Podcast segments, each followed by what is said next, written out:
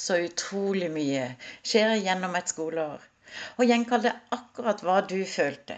Nøyaktig hvordan du hadde det, og hvor sliten du var på denne dagen for akkurat et år siden, er vanskelig å huske. Har du tenkt på det?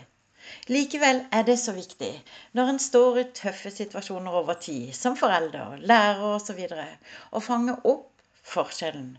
Få med den faktiske utviklingen til barnet i klassen, i saken osv.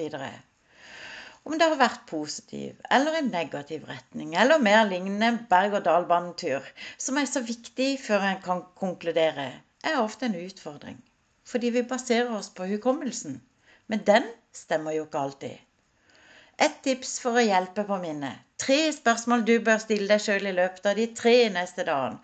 Og så et triks til slutt som frigjør plass i et slitent hode og legger til rette for helt andre tanker i mange uker framover. Klart vi kan snakke om det! Velkommen til ukens episode. Tine Håfær, antimobbeentusiasten som mener at bak hver suksess i mobbesaker står solide voksne med en helt spesiell evne, en iver og vilje, i tillegg til en stor porsjon pågangsmot. Jeg har bygget en virksomhet tufta på å gi støtte og drahjelp til foreldre og skoler i hele landet. I det å ta tak og hjelpe enkeltbarn, som klasse- og skolemiljø, både kjappere, mer treffsikkert og i fellesskap. Hver uke er jeg på øreproppene dine, deler tips og triks for å hjelpe deg bli akkurat så god som du kan bli i din rolle når du skal hjelpe barn i kjølvannet av mobbing. La oss starte med et tips for å hjelpe på minnet. Har du lagt merke til hvordan jo større stormen står i, jo flere ting som skjer, jo mer er det å huske på. Og jo mer slitne vi blir, jo mer øyeblikksfokusert blir vi.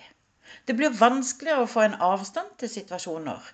For dagens situasjon, altså nå-situasjonen For akkurat nå overskygger det større bildet, gråsonene i utvikling osv. Slik opplever jeg også mange av de voksne jeg hjelper, har det i tøffe mobbesaker.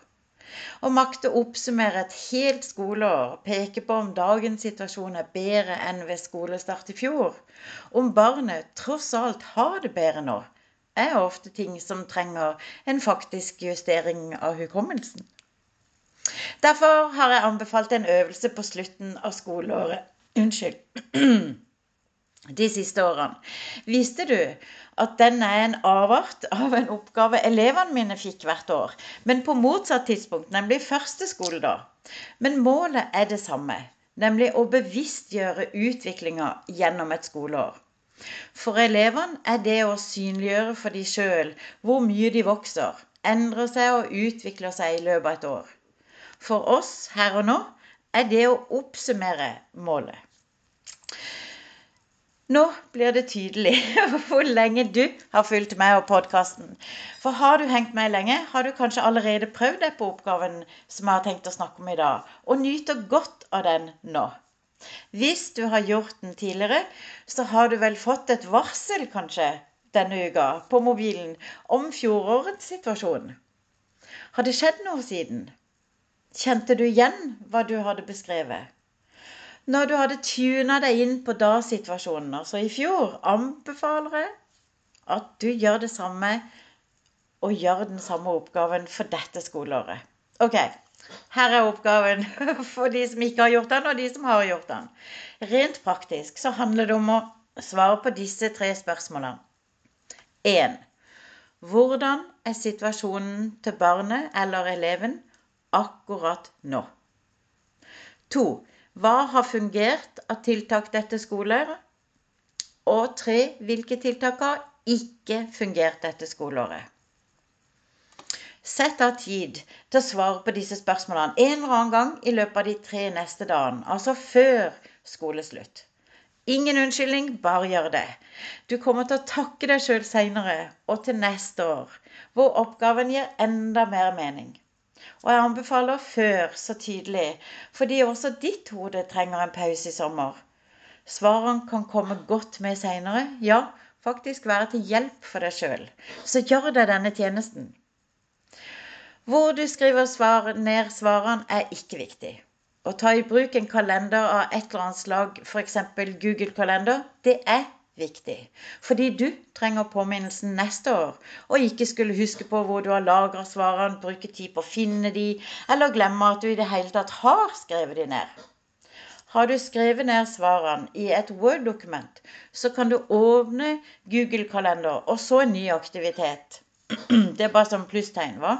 Her kan du laste opp dokumentet du har skrevet svarene i, som vedlegg, og så gi aktiviteten et varsel.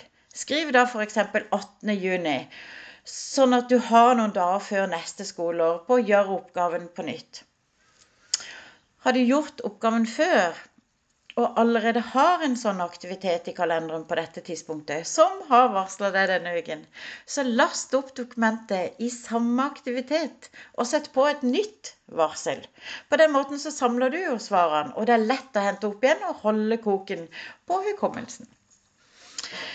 Tenker du at det ikke er viktig å gjøre denne oppgaven? Nei, kanskje ikke.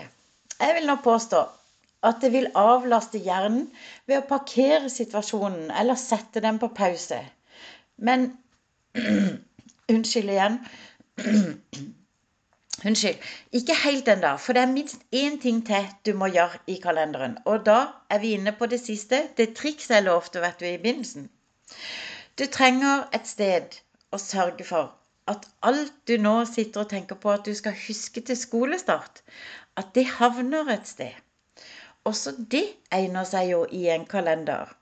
Her kan du legge til et varsel i en påminnelse eller aktivitet i det der plusstegnet, vet du, for hver ting du måtte huske på. Eller så kan du bare ha én aktivitet som du bare har en liste på helt nederst i beskrivelsesfeltet. Gjør du begge disse tingene, er du klar. Du har lagt skoleåret bak deg ved å svare på spørsmålene.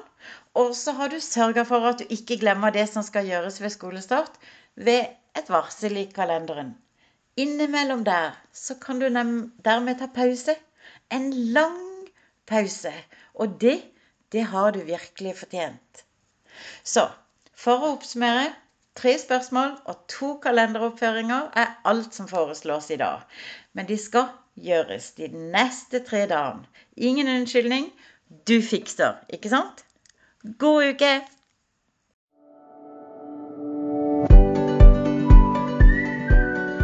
Tusen takk for at du hører på podkasten. Det jeg ønsker at du gjør nå, er å ta et skjermbilde av akkurat denne episoden og dele den i sosiale medier, sånn at flere voksne kan få hjelp til å ta tak og hjelpe barna bedre og kjappere. Vi to høres neste uke. Ha det, ha det.